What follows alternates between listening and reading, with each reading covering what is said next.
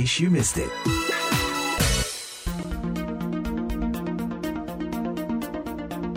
Inilah siaran VOA Indonesia dari Washington DC. Memasuki musim liburan Natal di Amerika, tentunya banyak yang telah merencanakan berbagai macam acara bersama kerabat dekat dan sesama anggota keluarga.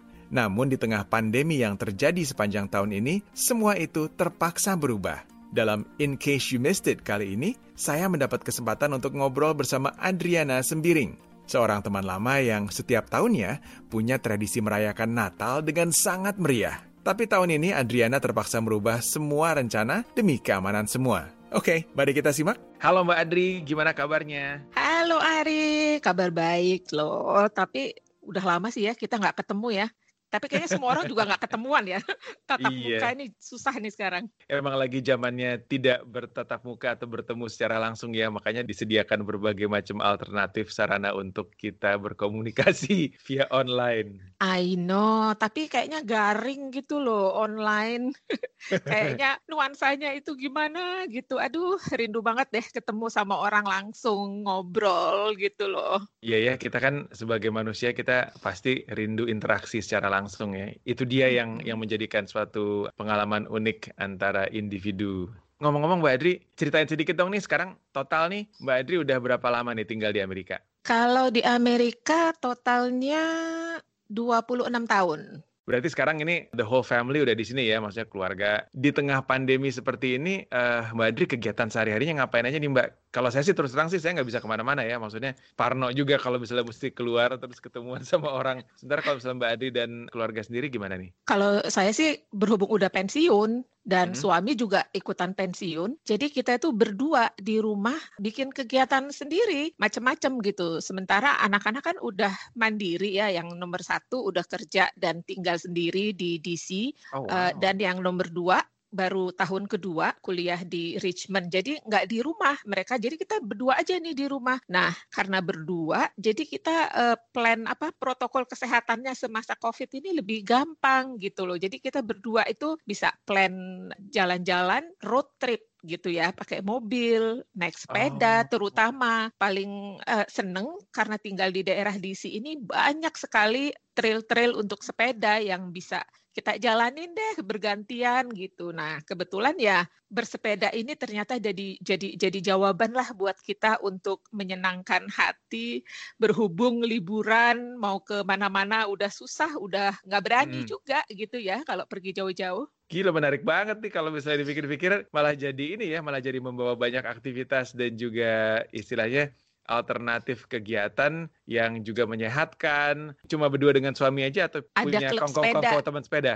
Benar, ada temen klub sepeda di sini namanya Goreng, goes bareng gitu dan Waduh, benar seru banget.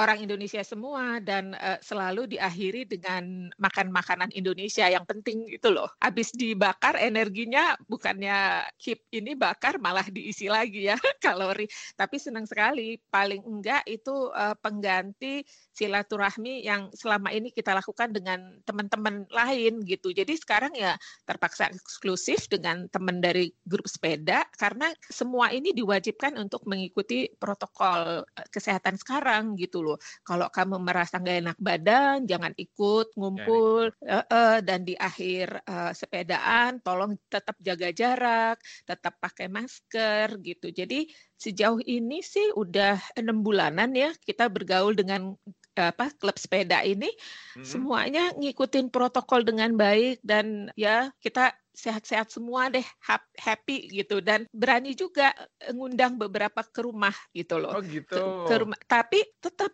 yang zaman dulu rasanya nggak sopan ya kalau misalnya kita nanya gini eh lu sehat Iya. nggak sih gitu kalau sekarang udah cuek ya sekarang kita tetap mesti nanya gitu selama ini ke mana aja ngapain aja gitu kerjanya di rumah iya. atau kerjanya berhubungan dengan banyak orang gitu Mm. jadi mau nggak mau gitu, semua kita harus saling terbuka dan kalau misalnya ada anaknya yang ternyata punya temen, eh terpapar COVID gitu. Jadi semuanya kita harus saling tahu, ngasih tahu, eh Oke. harap ini kita selama seminggu ini jangan ngapa-ngapain dulu gitu. Kita harus memantau kesehatan masing-masing gitu. Jadi sebenarnya asal saling terbuka gitu ya, Hmm. saling tahu, ya kita bisa bikin grup kecil gitu ya untuk tetap mm, having fun lah. Oke, wah ini ideal banget sih kalau misalnya kita bisa kumpul-kumpul semua orang patuh dengan uh, protokol kesehatan dan juga mereka saling merespek keberadaan satu sama lain jaga kesehatan dan juga jangan deket-deket gitu loh. Cuman ya itu dia kan namanya manusia kan juga kita kan bersosialisasi. Tadi Mbak Adria bilang kan nggak sopan juga kalau misalnya zaman dulu kita tanya-tanya ngapain aja ke mana sekarang gitu kan. Tapi di zaman sekarang ya kalau misalnya kita nggak sopan ya bisa jadi nanti kita mengambil resiko sendiri gitu loh. Sementara iya. saat-saat ini di luar lagi dingin kalau mereka berada di sekitar daerah rumah kita nggak sopan juga kalau nggak kita ajak mampir ya nggak sih kasihan. Iya benar-benar. Jadi selama musim dingin ini ini kan paling bahaya sebetulnya ya untuk penularan COVID nih di sini di Amerika. Jadi ya teman-teman harap maklum aja gitu. Kalau ngerasa ada nggak enak badan ya harap tinggal di rumah. Jangan ikutan iya, ngumpul. Betul banget. Nah ini sekarang nih selagi masa covid nih kan justru semua uh, rencana pasti berubah nih ya. Apalagi sekarang ini udah mulai mendekati masa-masa liburan. Kalau di Amerika itu kan it's the holiday season menjelang Bener. masa liburan Natal. Nah ini kan banyak banget nih event-event yang yang sebenarnya bisa dimanfaatin untuk hiburan keluarga gitu kan. Entah kumpul-kumpul bersama teman-teman entah itu belanja belanja hadiah Natal, entah itu belanja uh, pohon Natal bareng-bareng gitu kan.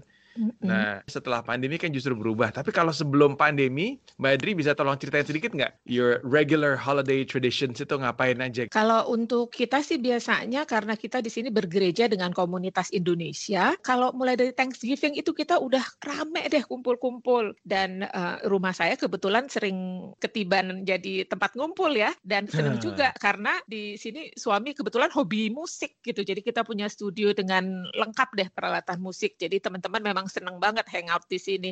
Asik. Dan biasanya kita itu ya potluck gitu ya, ngumpul hmm. dan selalu itu ya sekitar selalu di atas 25 orang yang kalau sekarang itu udah nggak mungkin ya dilakukan. Uh, sekarang 10 orang aja udah tetangga nanti udah eh kok rumah kamu ramai banget gitu. Terpaksa kita bilang, "Oh iya, tapi kami nggak lebih dari 10 orang kok." gitu. Kalau zaman dulu ya rame orang penuh dan malah tetangga kadang-kadang ngintip gitu datang ikutan, "Eh musik musiknya seru banget nih. Kadang-kadang kan kita apa nyanyinya nyanyi-nyanyi lagu Natal uh, versi right. Indonesia ya. Mm-hmm. Jadi mereka juga penasaran gitu. Tetangga juga suka datang. Terus kadang-kadang kita share apa kalau misalnya kayak Thanksgiving gitu pasti selain turkey itu ada versi Indonesianya dikit tuh makanan Indonesia yang kita share sama tetangga gitu. Jadi mereka juga seneng gitu, nggak marah kalau lihat kita kumpul-kumpul. Orang Indonesia kan mangan orang mangan apa asal ngumpul ya. Jadi yang penting ngumpul. penting banget gitu. Jadi uh. kalau misalnya sekarang ini memang agak sedih juga ya. Selama uh, sebelum COVID itu sampai ke hari Natal itu nggak berhenti deh kita acara ngumpul. Mulai dari kita pergi caroling bersama gitu ya, hmm. nyanyi-nyanyi lagu Natal. Kadang-kadang ada kesempatan untuk dari ke rumah ke rumah. Terus anak-anak itu senang banget tuh melakukan kegiatan seperti itu. Terus juga acara biasanya kalau udah deket Natal gitu kan ada feeding the homeless yang gitu-gitu loh acara yang melibatkan anak-anak. Tapi sekarang kebanyakan ya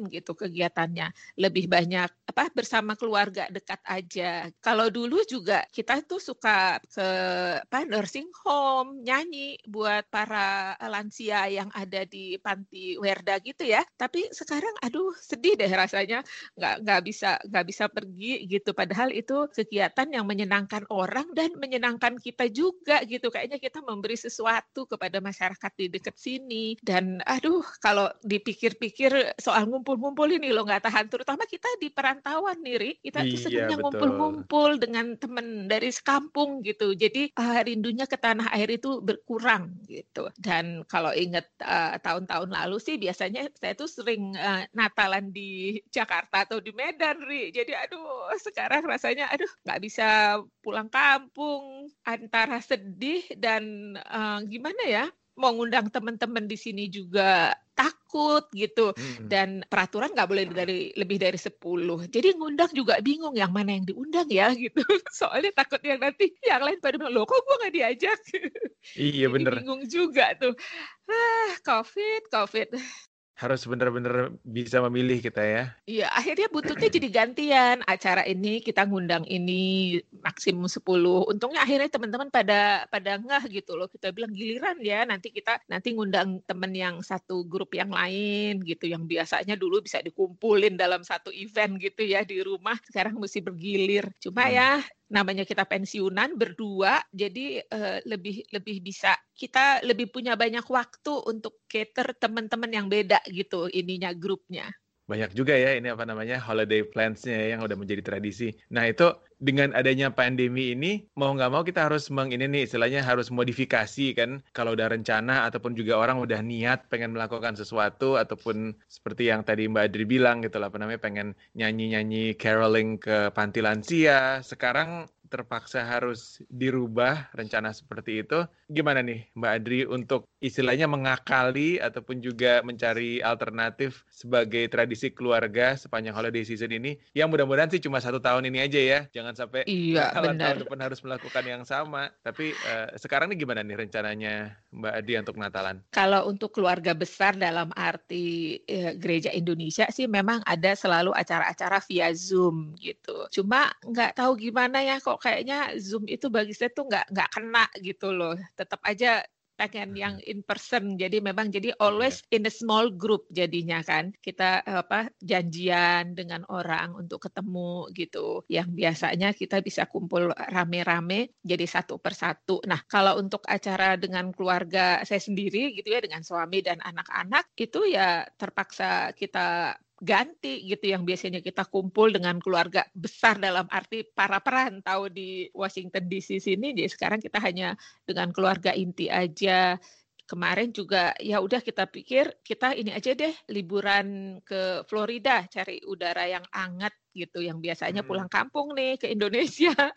Ini agak-agak anget dikit deh walaupun apa suasananya tentu beda ya dengan uh, hari raya di kampung sendiri. Jadi itu pun nggak berani terbang nih masih cuma berani road trip aja. Jadi kita lebih ngerasa kita bisa kontrol suasananya gitu loh. Kapan kita ketemu orang, kapan enggak gitu. Jadi dengan drive sendiri. Jadi ya banyak yang inilah, banyak yang uh, berubah. Tapi kalau saya sih hmm. yang penting tetap bisa menikmati gitu dengan anak-anak. Jadi saat ini yang jadi prioritas, yang penting kita berkumpul dengan keluarga inti, anak-anak terutama. Nggak peduli ke mana, yang penting kumpul dan seperti Mbak Adri bilang tadi bisa mengendalikan suasana di sekitar. Jadi maksudnya nggak nggak harus rame-rame ngantri uh, di airport, apa Benar, agak-agak serem gitu juga gitu kan. sih.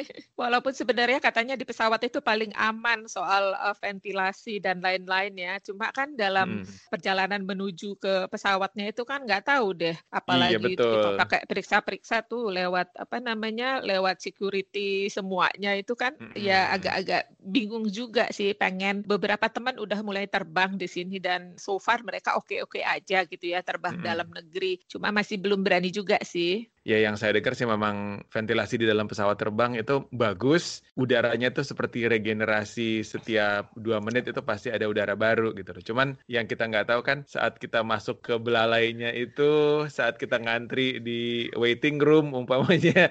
Bener banget. Ada tempat-tempat seperti itu yang kita masih belum bisa mengetahui ya gimana caranya.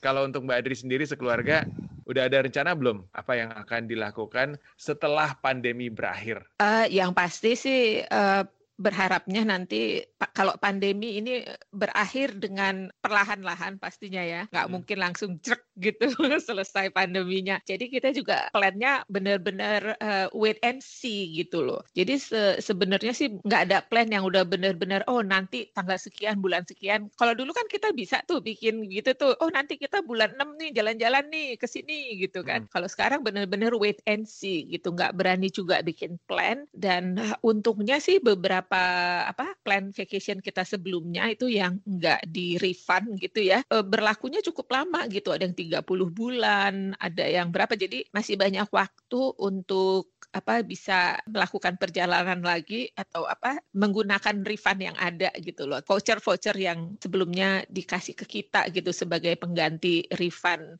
uh, dari pesawat ke dari uh, airline cruise gitu jadi banyak yang masih bisa lah agak 30 bulan ke depan gitu ya tapi untuk uh, untuk dalam berencana dekat sih benar-benar kita cuma berharap kita bisa dapat vaksin secepat mungkin deh.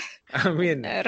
Bener juga ya kalau misalnya dikembalikan uangnya gitu oleh travel agent ataupun juga oleh maskapai penerbangan itu akan ngebantu banget buat kalau kita ingin melanjutkan perjalanan di kemudian hari ataupun juga merubah ini ya pasti namanya alternatif tujuan kita ke mana gitu kan yang penting iya, kita bisa. bener. Yang penting kita nggak dirugikan. Nah itu dia.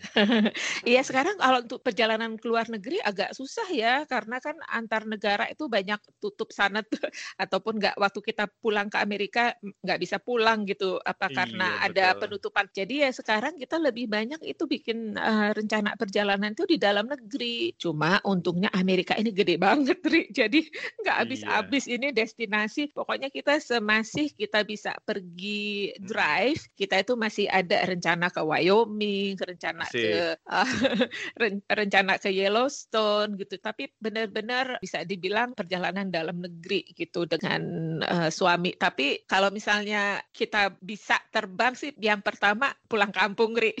Pasti iya. Dan ini ya mudah-mudahan maksudnya ya ya kita bisa bisa cepat terbang tanpa harus ada embel-embel harus ngambil tes kalau nggak harus dikarantina Wah, dulu itu kan yang Ribet itu repot. yang bikin Heeh. ribet itu. Oke, wow, sudah komplit eh, ininya eh, gambaran bagaimana rencana Natalan eh, Mbak Adria tahun ini dan juga alternatif rencana untuk keluarga. Mbak Adri, terima kasih banget untuk sharingnya, untuk cerita-ceritanya. Jangan bosan-bosan nanti kapan-kapan kita pasti akan kontak-kontak lagi untuk ngobrol catch up dan juga menceritakan other stories yang mungkin Mbak Adria bisa sharing dengan kita semua. Anytime, Ari. Terima kasih kesempatannya juga bisa berbagi cerita. Oke, thank you Mbak Adri. Sampai jumpa lagi. Bye. Demikian obrolan VOA bersama Adriana Sembiring yang tahun ini harus merubah semua rencana demi menyiasati perayaan Natal di tengah pandemi. That was her story in case you missed it. Saya Aryono Arifin, inilah VOA Indonesia dari Washington DC.